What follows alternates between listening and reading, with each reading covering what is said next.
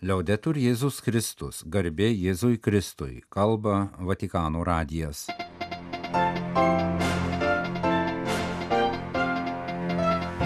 Malonus klausytojai šioje antradienio gruodžio penktosios programoje popiežius dalyvavo kardinolų tarybos posėdėje.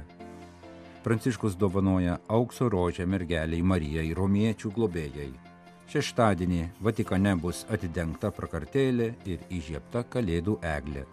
Fokuliarų judėjimas mini 80-asias metinės. Lvivo arkivyskupas dėkoja už maldą, paramą ir solidarumą nuo karo pavargusiai Ukrainai. Pokalbis su teologijos daktaru kunigu Moze Mitkevičiumi apie krikščionišką mirties sampratą. Užmygę ir mirę ar gyvi amžinai.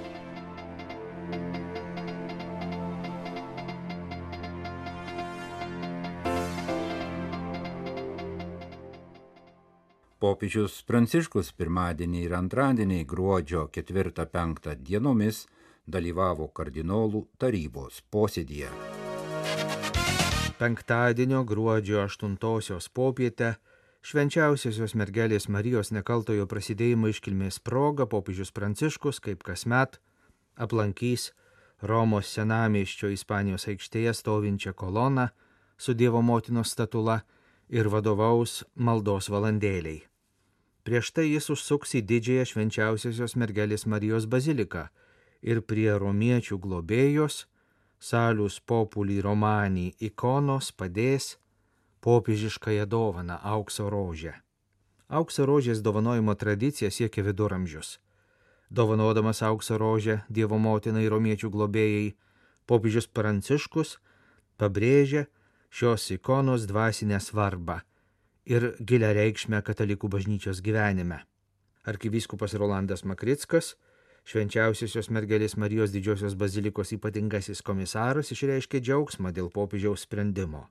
Aukso rožės dovana yra istorinis gestas, išreiškiantis gilų popiežiaus pranciškaus ryšį su Dievo motina, kuri šioje šventovėje gerbiama Saulius Populį Romanį titulu. Dievo tautos dvasinis, ir pamaldumo ryšys su švenčiausiaja mergelė Marija bus dar labiau sustiprintas. Meldžiame Mariją, romiečių globėją, taikos dovanos visam pasauliui, sakė arkivyskupas Rolandas Makrickas. Šeštadienio gruodžio 9 popietę Šventojo Petro aikštėje įvyks prakartėlės atidengimo ir Kalėdų eglės įžiebimo ceremonija. Šventėjai vadovaus Vatikano miesto valstybės vadovai - kardinolas Fernando Vergesas Alzaga, miesto governatorato pirmininkas ir sesuo Rafaela Petrini, governatorato generalinė sekretorė. Šventės pradžia 17 val.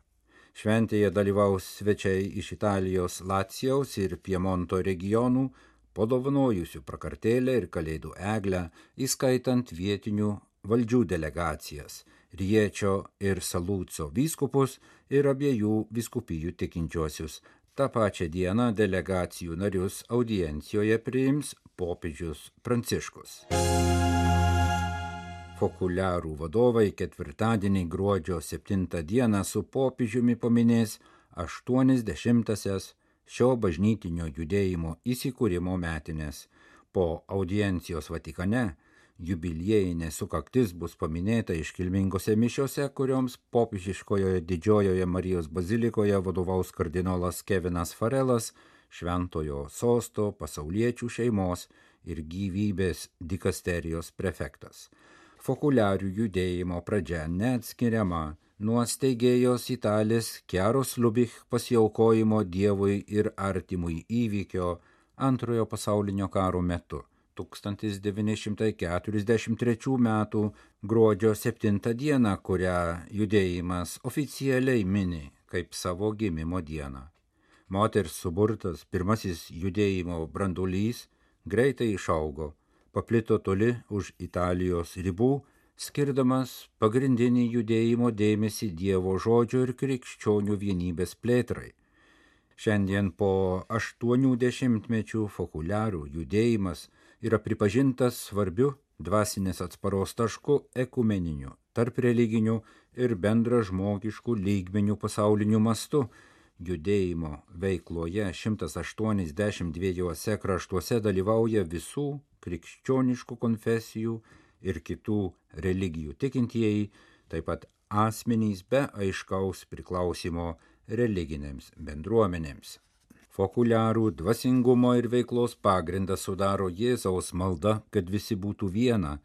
Jubiliejaus proga judėjimo nariai Italijoje dalyvavo piligriminėme padėkos ir atgailos žygyje, lankė garsiasias šventovės Asyžiuje, Lorete ir Romoje, kad dvasiškai sustiprėję su pasiryžimu tęstų tarnystę bažnyčiai kartu su visais, kurie taikos ir meilės vaistais trokšta išgydyti žmonijos žaizdas pažymimą jubiliejui skirtame fokuliarų judėjimo komunikate.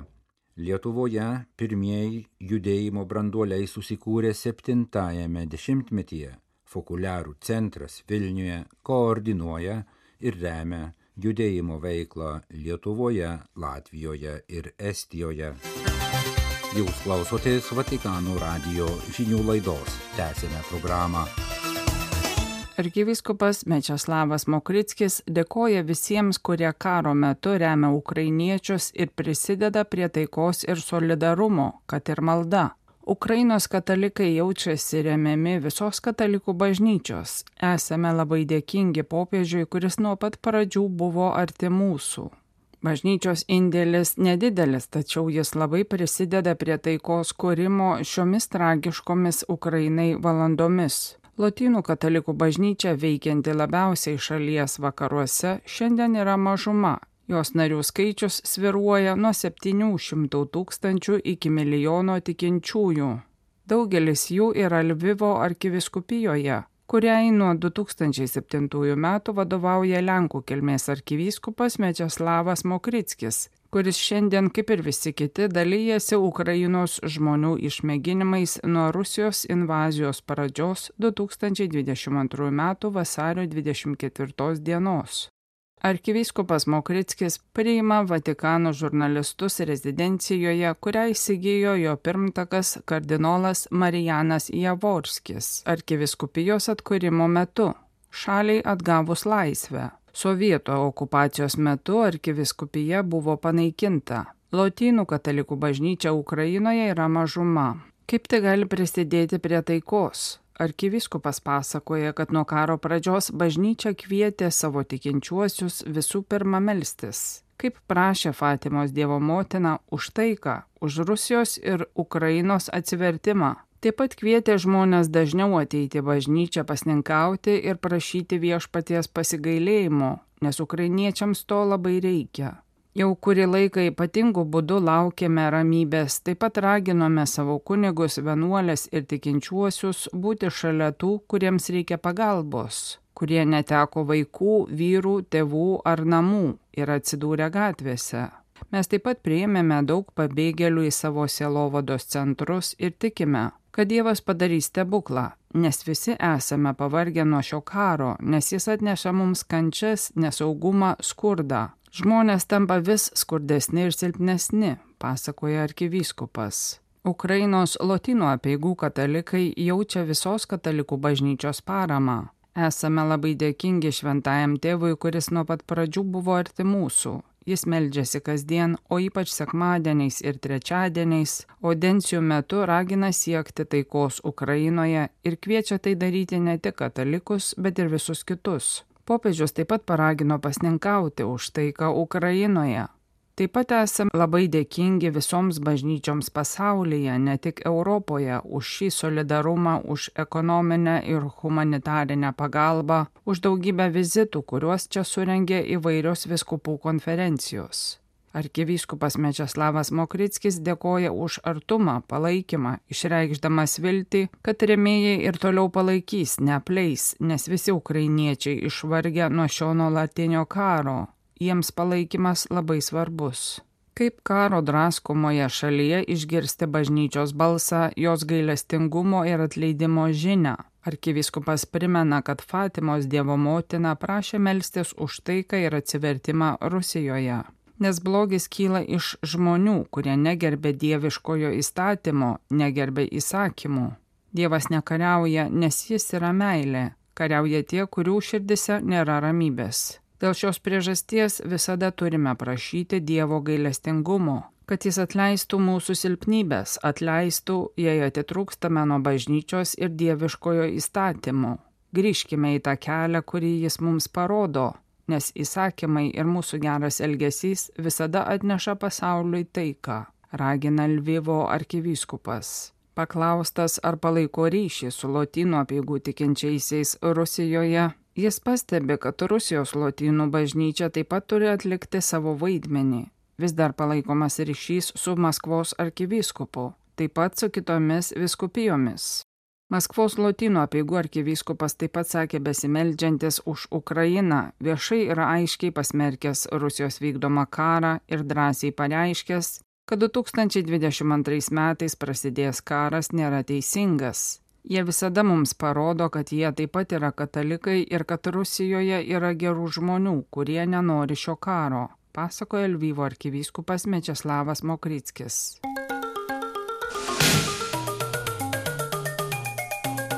Septyneri metai studijų popiežiškajame Grigaliaus universitete Romoje vainikuoti daktaro disertaciją, kuri įvertinta aukščiausių įvertinimų - suma cum laude. Kalbiname Vilniaus arkikatedroje reziduojantį kunigą Mozę Mitkevičių apie jo darbo užmygę ir mirę gaudžiant paskutiniam trimitui egzegetinė teologinė kelių Pauliaus tekstų analizė, gynimą ir temos pasirinkimą kaip gimė idėja rašyti doktoratą apie Pauliaus laiškus ir būtent šias eilutes. Tema atrodo labai įdomi, bet ir labai specifinė, labiau siauram ratui. Yra taip, universitete mes renkamės dar licenciato studijose du seminarus, vieną iš Seno testamento, vieną iš Naujo. Ir mano licenciato darbas ir buvo iš laiško tesalonikiečiams ištraukos apie mirusius, apie skatologiją. Man atrodo, kažkaip susidėliojo net man nežinant. Tas vat Pauliaus korpusas. Nors net seminarijoje dar būdamas aš taip lik ir bijodavau to Pauliaus. Mes taip ir šiaip Lietuvoje esam neįpratę jį skaityti, jis toks atrodo painus. Bet dabar, kai galvoju, taip viskas dėliojas. Aš net pavyzdžiui šventimų metu pasirinkau Pauliaus ištrauką ant abrosdėlio primicijoms atminti.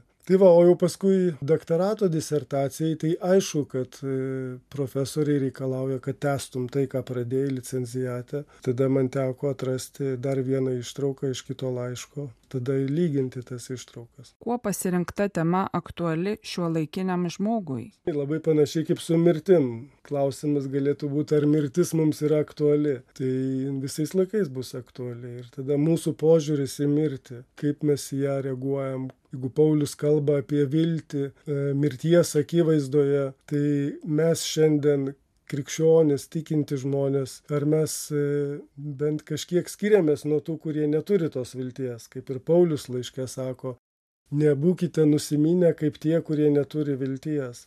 Tai mes turim Kristų, turim jo pergalę ir man be galo gražu, kaip Paulius tą pristato. Turi intuiciją, tokį Dievo duotą suvokimą, kad mes būsime su Kristumi, kad būsime su juo, su savo kūnais, kurie bus perkeisti, kad būsime kartu su mirusiaisiais, jie bus prikelti kaip perkeisti, tie, kas išliks gyvieji, bus perkeisti, ir kad iš esmės mes tapsim kaip Jėzus Kristus, būsim sudėvinti.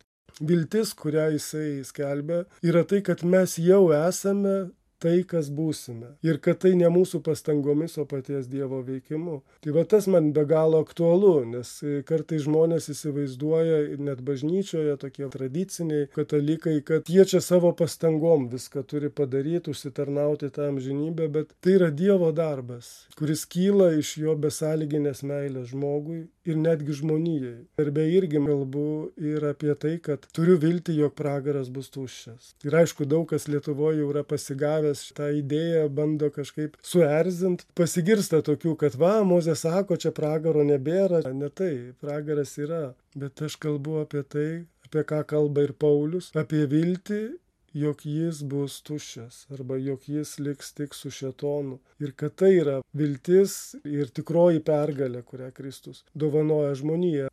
Tai man atrodo jau vien tai yra be galo aktualu. Šiandien atrasti tikėjimą atrasti bažnyčią kaip vilties vietą kaip pergalės vietą ypač kai mes matom kas dedasi pasaulyje šiandien suvokti kad visa tai kyla iš žmonių bet tai kas kils iš dievo yra absoliučiai kita ir, ir absoliučiai gera žmonijai ir kiekvienam žmogui. Daug kas pradeda studijas, ne visi baigia.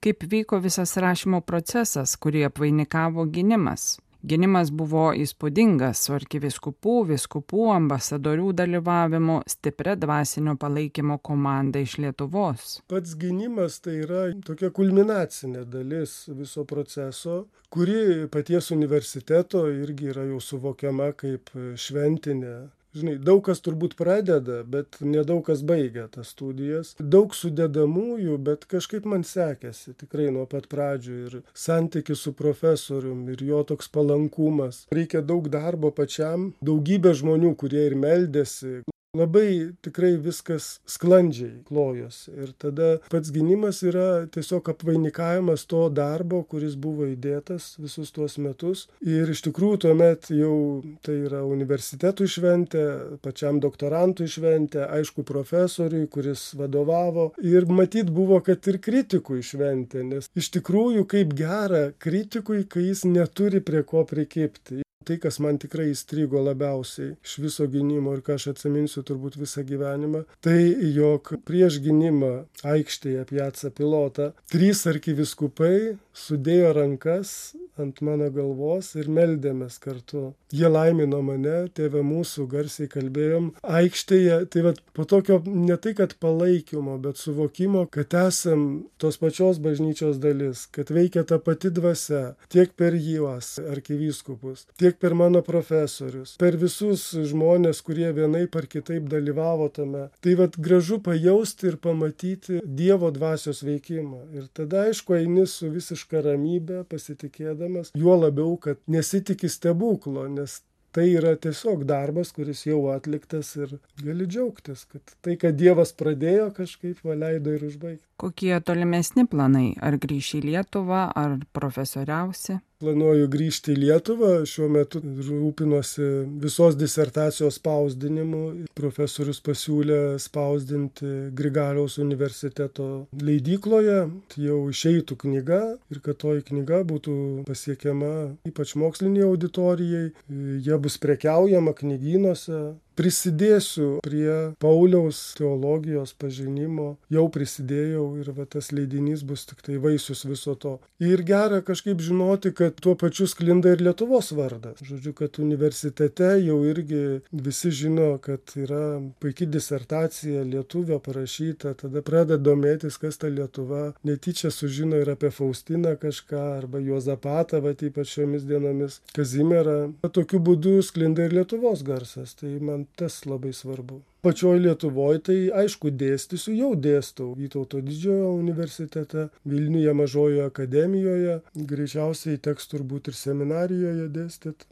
Nors aš labai neįsivaizduoju savęs mokslininku kas įdomiausia bet jau dievas davė nu tai reik dalintis